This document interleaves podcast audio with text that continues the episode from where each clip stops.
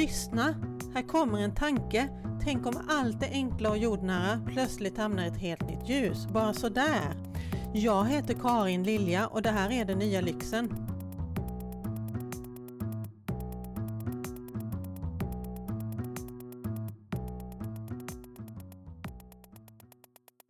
I min uppväxtfamilj hade vi en anslagstavla i köket var vi än bodde. Den var alltid av glesvävd jute på spånplatta, en mycket enkel tingest.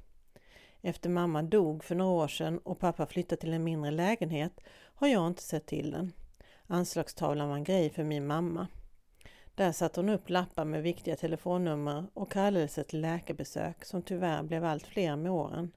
Men också majblommenålar, teckningar från barn och barnbarn, kanske någon skojig nål från det USA som hon älskade och så någon rolig seriestrip, kanske BC med The Fat Broad.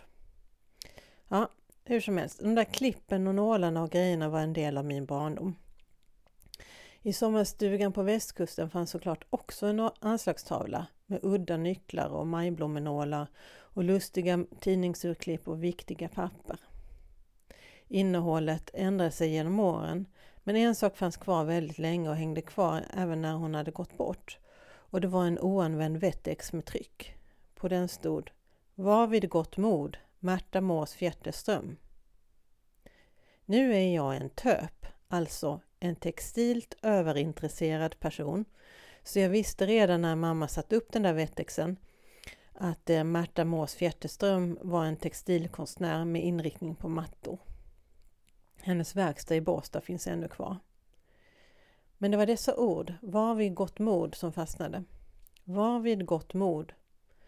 Orden har hängt med mig genom åren, särskilt när det varit tungt och eländigt. Var vid gott mod. Det har varit tufft ibland att vara Karin Lilja. Och när det har varit som värst har jag bara velat försvinna från denna jord. Barn och livet får mig till slut på fötter igen. Och idag känner jag att det mesta går min väg. Men eftersom jag vet hur svag och hjälplös det går att vara när man är där nere i det grå, så ser jag att det är särskilt viktigt för alla oss som kravlat oss ur detta att hålla fast, vara där och vara lugna och rediga. Det går kanske inte alltid att göra så mycket för den nästa, mer än detta, att vara där och vara vid gott mod. Keep calm and carry on, som det stod på en av de affischer som skulle motivera britterna under andra världskriget. När katastrofen är ett faktum, men den kanske inte riktigt träffat dig utan din nästa, så är det din uppgift att vara vid gott mod. I Tove Janssons bok Farlig midsommar inträffar katastrofen. Vattnet stiger och allting börjar flyta. Det ena ger det andra och familjen och vännerna kommer ifrån varandra.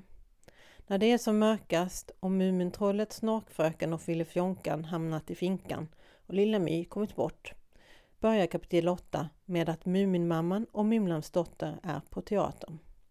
Jansson skriver Tänk om Muminmamman hade vetat att Mumintrollet satt i fängelse när hon vaknade på midsommardagen. Och tänk om någon kunnat berätta för Mymlans dotter att hennes lilla syster låg och sov i snusmumrikens granriskoja inrullad i angoragarn. Nu visste de ingenting, men de hoppades. Hade det inte varit intrasslade i värre underligheter än någon annan familj de kände till och hade det inte alltid gått bra? Lilla My är van att ta hand om sig själv, sa Mimlans dotter. Jag är mer orolig för den som råkar ut för henne. Mumintrollets mamma tittade ut. Det regnade. Måtte de inte förkyla sig, tänkte hon och satte sig försiktigt upp i sängen. Slutcitat. Muminmamman är med i de flesta av Muminböckerna, men hon är inte de stora gesternas troll. Hon är kreativ och skapar gärna vackra barkbåtar. Under alla äventyr håller hon ställningarna och alla vid gott mod, med saft, en stor handväska och en mjuk nos. För mig är hon Mumindalens stoiker. Antikens stoiker har ju kommit i ropet, inte minst genom Massimo Pugliuccis bästsäljare How to be a stoic. För stoikerna är dygden det viktigaste av allt och att leva naturligt. Ett sätt att leva naturligt är att verka för ett gott samhälle för alla eftersom människan av naturen är ett socialt djur. En annan grundpelare är kontrollens två delar. Vissa grejer kan vi ha kontroll över, vissa kan vi inte. De vi inte kan ha kontroll över kan vi försöka påverka men i övrigt hantera med jämnmod. Det vi inte kan göra något åt är det ingen nytta att vi vältrar oss i oro över heller. Det som är, det är. Seneca säger i min översättning av en engelsk översättning. Det jag råder dig att göra är att inte vara olycklig innan krisen kommer, eftersom det kan vara så att farorna som du kryper ihop av, som om de hotade dig, aldrig kommer att komma över dig. De har verkligen inte kommit ännu. Därför plågar vissa saker oss mer än de borde. Vissa plågar oss innan de borde och vissa plågar oss när de inte borde plåga oss alls. Vi har för vana att överdriva, föreställa eller förutse sorg. Slutcitat. Samtidigt, menar stoikerna, ska man inte skuffa under mattan de obehagligheter som du inte kan göra någonting åt och bara leva livets glada dagar. För att ta ett samtida exempel, gå inte på krogen bara för att du inte, du inte tror att just du kommer att drabbas allvarligt av en smitta, utan acceptera det du inte kan påverka. Gå hem, var måttlig och var vid gott mod. Måttlighet, att vara vid gott mod och försöka se saker för vad de är, är något även buddhismen kan lära oss om. Flera buddhistiska tänkare har sagt saker som Om det går att ordna, varför oroa dig?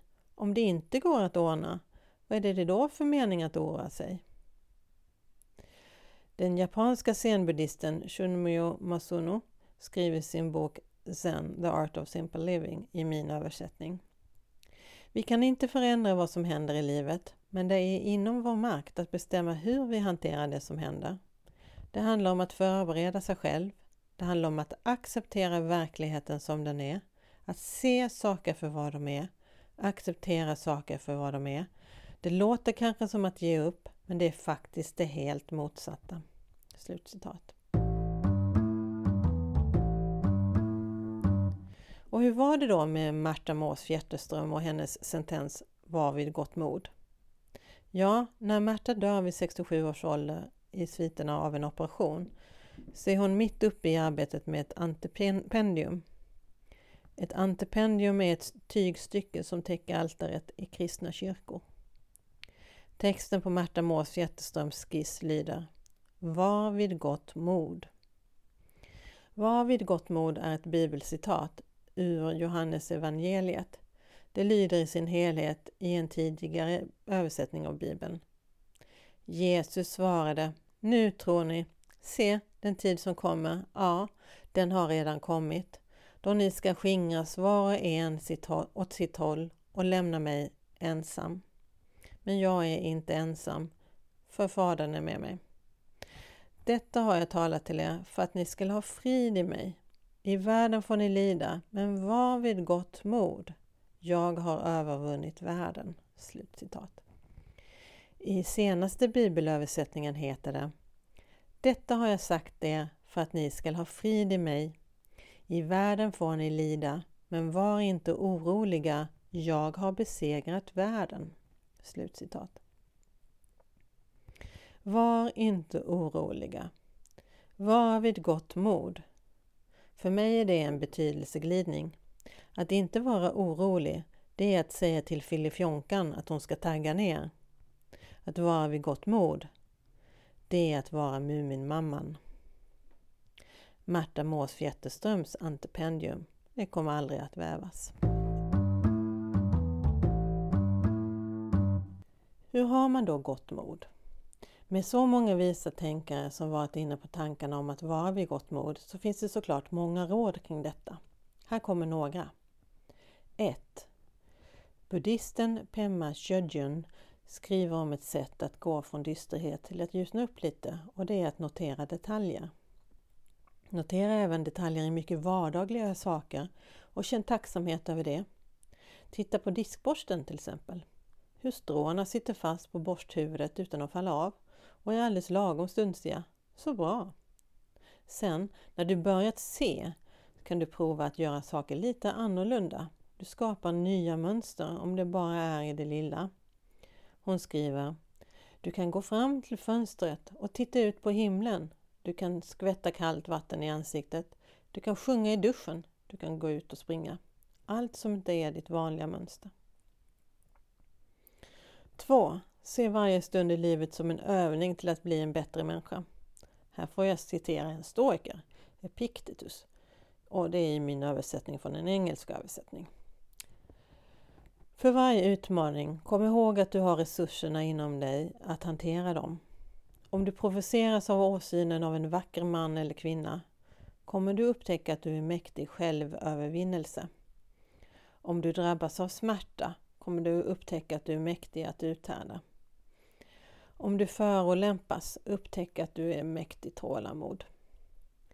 Med tiden kommer du att bli trygg med att det inte finns en enda utmaning som du inte har möjlighet att tolerera. 3.